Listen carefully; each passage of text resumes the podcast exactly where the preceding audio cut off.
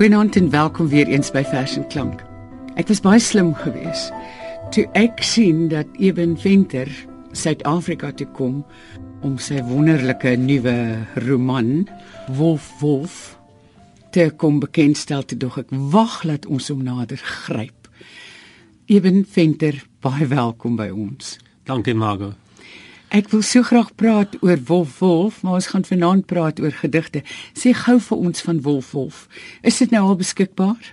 Ja, dit is reeds geruime tyd beskikbaar in Engels en Afrikaans en ook aanlyn. Jy kan dit by amazon.com as 'n e-boek bestel. Ja. Het jy self vertaal? Nee, die vertaling is gedoen deur Michiel Lyns, een van die beste Afrikaans-Engelse vertalers in die land. Maar ek kan nie wag om dit te lees nie. Dankie.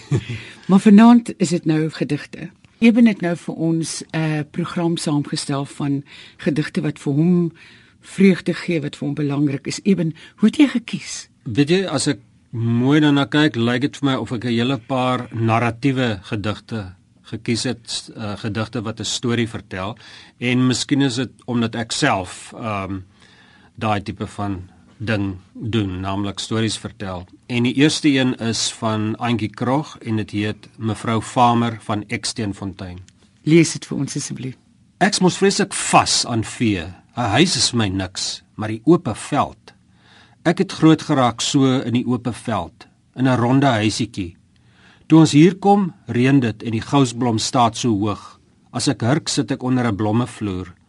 Daarvandaan het ek die plek aangeneem dat ek hom nou nog liefhet vir die aard, vir die veld. Die park se man het ons eendag kom oplaai om ons die park te wys vroeër waar ons bees geloop het. Hy wys ons die halfmens, maar dis ek mos gewoond My oë bly net steek steek vir daai pol wat ons altyd geëet het in die veld. Hy het sulke vingers gehad. En ek en Kolwa was so lus vir hom. Kolwa het nogal 'n mes gevat om skoon te maak die dorings en so. Ons loop en loop terwyl die anders die halfmens kyk. Hier kry ek hom, die pol en breek hom af. Toe sê die man, jy mag nie goed afbreek nie. En ek sê die man, nou wat moet ek dan maak? Ons eet hom hoeka. Toe sê hy, dit moet bly vir ons kinders. Toe sê ek, maar ons kinders eet nie polle nie. Toe sê hy, ek en Kova kan elk enetjie kry. Kova kan darm nog so 'n ekstra enetjie ingedraai kry, maar nou is ek tevrede. Dit groei nog hierby. Dis 'n heerlike gedig. Hoe het jy daarop afgekom? Ek hou natuurlik van Antjie Krog en spesifiek hierdie bundel Kleur kom nooit alleen nie. En hierdie gedig het ek gevoel het 'n aardsheid en dit vertel hierdie mooi storie van die halfmens wat daai uh, spesifieke plante is wat in die Rigtersveld uh, groei. Ek's net enkeles van hulle oor eintlik en ek ken die die halfmens en hierdie polle waarvan sy praat. Ek dink ek weet min of meer hoe hulle ook lyk. Die volgende gedig wat jy gekies het is by Rietfontein se Leidam of terwyl Rietfontein van Idee Du Plessis. Hoe so? Ek het nog altyd vreeslik baie van hierdie gedig gehou. Dis my een van die min gotiese gedigte in Afrikaans. En daarmee bedoel ek dat dit 'n gedig is waar 'n gesprek aangeknoop word met met mense wat reeds ehm um, dood is, met afgestorwenes, met geeste. En ehm um, daar's beelde in die gedig wat die ehm um, gotiek aanblaas, skadies, 'n swaar atmosfeer wat idee Du Plessis dink ek vreeslik mooi uh, vasvat. Kom ons luister. By Rietfontein se leidam as die reier staan en droom en gepluimde peerboomtakke bloeisels sprinkel in die stroom word op maanverligte nagte nog 'n sombere tafereel van haat en lus en liefde deur gestorwenes afgespeel. Wit is die water en blond is die maan en bly is die paar wat gearm daar gaan. Versilverde bome reis in die laan, wit is die water en blond is die maan. 'n 100 jaar gelede het die buurt se mooiste blom so in die helder maanlig na die peerboomlaan gekom. Maar terwyl sy en haar minnaar in konfettibloeisel staan, het 'n ander in die skaduwee langs die dam se wal gegaan. Wit is die water en bleek is die maan. Wie is dit wat daar so geruisloos gaan? 'n Huiwering trek deur die bome in die laan. Wit is die water en bleek is die maan.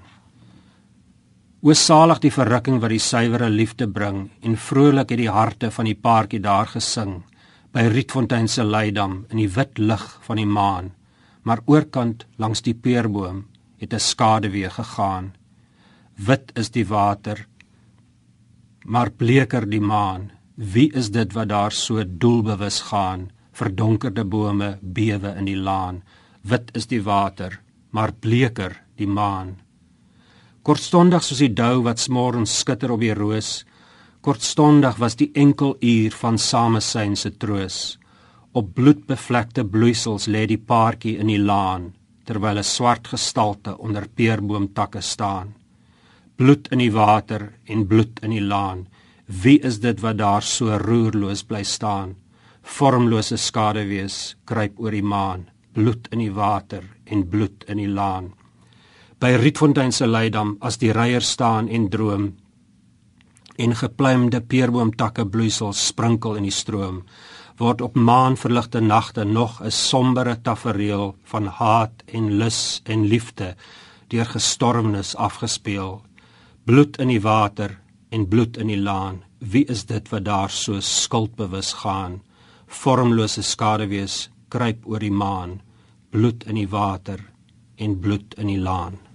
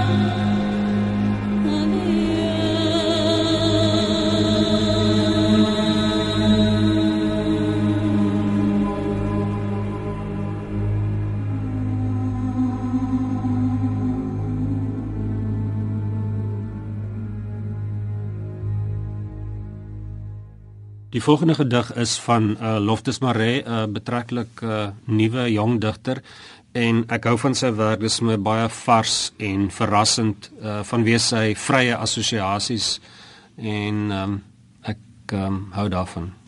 Die gedig is terug op die plaas. So ek het nou eintlik al 3 gedigte gelees wat so 'n tipe van 'n plaas um 'n landelike um agtergrond het. Terug op die plaas. Daar's min politiek in jou verse, sê my suster. Die digter het tog 'n verantwoordelikheid. Suster, ons generasie is die wesies van ideologie.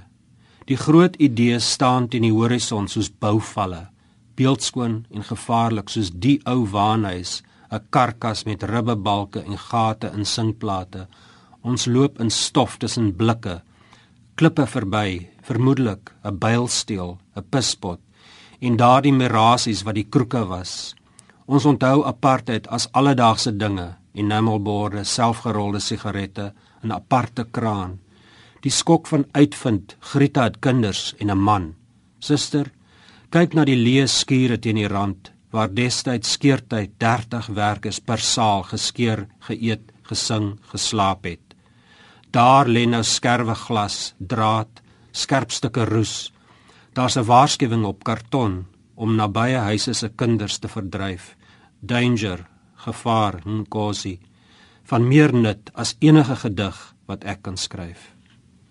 Dit kom met sy eerste bundel staan in die algemeen nader aan vensters. Die volgende is Boerneef.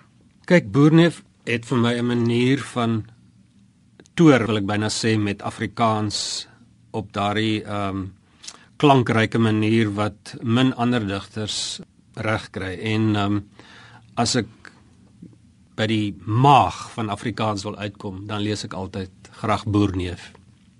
Ek lees dus 3 kort verse van hom. Jou stukkie aarde is te klein, die wêreld weet nie van hom nie. Jou stukkie aarde is te arm, die wêreld weet nie van hom nie. Laat dit so wees dan al miskien. Dit kan die hart tog soms verwarm. En Die vuur brand laag, die winter koud. July is lank, ou sampie oud. Wie saans by die deur? Wat wil hy hê? Is aan binne toe beer, wil langs my lê. Brei die karos die weersteek op. Maak jou klaar vir die ding wat kom. Hou die geneek van alkant dop. Kyk wat staan in die boek van Job. dis dan nou Boerneef en van Boerneef af gaan ons na Van Boerneef gaan ons na Ingrid Jonker um, en nou beweeg ek na um, gedigte wat meer oor die liefde praat. En um, Ingrid Jonker doen dit op haar eie manier. Sy is my soos die Afrikaanse Sylvia Plath en um, ek bewonder haar werk. Wat gaan ons lees? Ons gaan lees intieme gesprek. Moenie slaap nie. Moenie slaap nie, kyk. Agter die gordyne begin die dag dans met 'n pouveer in sy hoed. As jy na my roep, as jy na my roep uit jou keel, gaan daar 'n vogtige voetpaadjie oop in 'n rye bos. Ek weet. Ek weet tog jou mond is 'n nessie vol voeltjies. As jy lag, jou lag is 'n oopgebreekte granaat. Lag weer dat ek kan hoor hoe lag die granate toe jy 'n baba was. Toe jy 'n baba was, het jy sekerlik geryk na 'n bokrammetjie en blomme. As jy slaap. As jy slaap, is jou voorkop 'n berg en jou slaap is soos lammers teen die hange. Jou lyf. Jou lyf is swaar van bloed en jou rug is singende gitaar. Elke man het 'n kop. Elke man het 'n kop 'n lyf en twee bene. Hulle probeer jou namaak. Dit is darem baie mooi, né? Nee? Die volgende gedig is van uh, Breiden Breidenbach vir wie ek al eintlik jare lank lees sedert um, die eysterkoe met sweet en die is ook 'n liefdesgedig van Breiten iets om aan te pesel in my iglo my wintervrou is 'n klein klein voël tjie tjie tjie wat met drome gool. Met herfs het ek dit in die dooie bos gevang, verboureerd oor hoe die wit genooitjies in die leë bome hang. Nou en buite die ruite is die hongerblou gety, sit dit op my tafel en dit se boutjies maak my bly. My wintervrou is 'n klein klein voël, kiekie, wat met drome gool.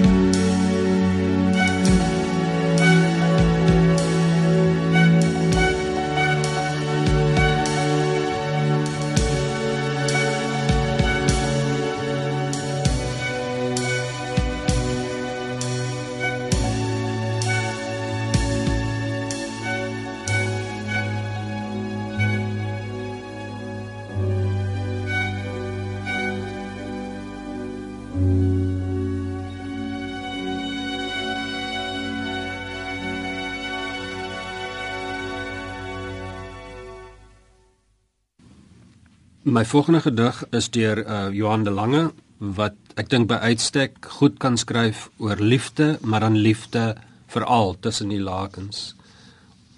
Parabool. In die skemer, hoe het jy nie geskyn nie met die fatale krag van 'n jong planeet my aangetrek uit my afsydige melkweg 'n wit komeet van koers gedwing uitgeslinger oor die maanskap van heup en bors die krater waar jou hart moes wees die koue sonne van jou oë. Toe weer koers gekry wel wetende hoe ek in die jare wat pluimstert kwyn in ander gedaantes jou telkens rakelings sal mis. Jy draai weg in jou skadu in en wys die kant wat ek bemin. En dan?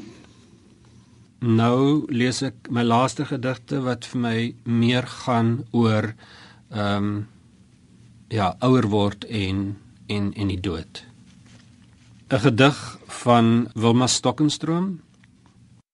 Die tyd loop katvoet. Die tyd loop katvoet. Die dag stap luiters verby soos 'n kat, stert omhoog. Laat my jou streel. Spring nou op my skoot. Ek wil jou iets vertel. Jy gaan my elke dag verby en ek kyk jou agterna en roep, maar jy skuur jou wang teen die verlede. Elke dag loop daar 'n dag uit my lewe en gaan slaap, opgekrul en droom hom met bewende snor binne in my daaglikse handel. Vorentoe, agtertoe loop die tyd, katvoet aan my verby en spin. En ons laaste gedig. Die laaste gedig is van Olga Kirsch, 'n Joods-Afrikaanse digter, en dit gaan oor die weerhouding van die dood van ons taal. En dit heet Gebed van die lood aan die wynstok. Solank as wat die mens sy gewaarwordinge in taal bly formuleer, Here, laat my taal leef en dat u hom nooit van die liggaam van Afrika sal amputeer nie. En waar u moet terugsnoei, Heer, laat ons u hand erken en rustig weet u sal uit die vuurige sap wat u nou tot besinning kastei iets wat helder en edel is eindelik distilleer.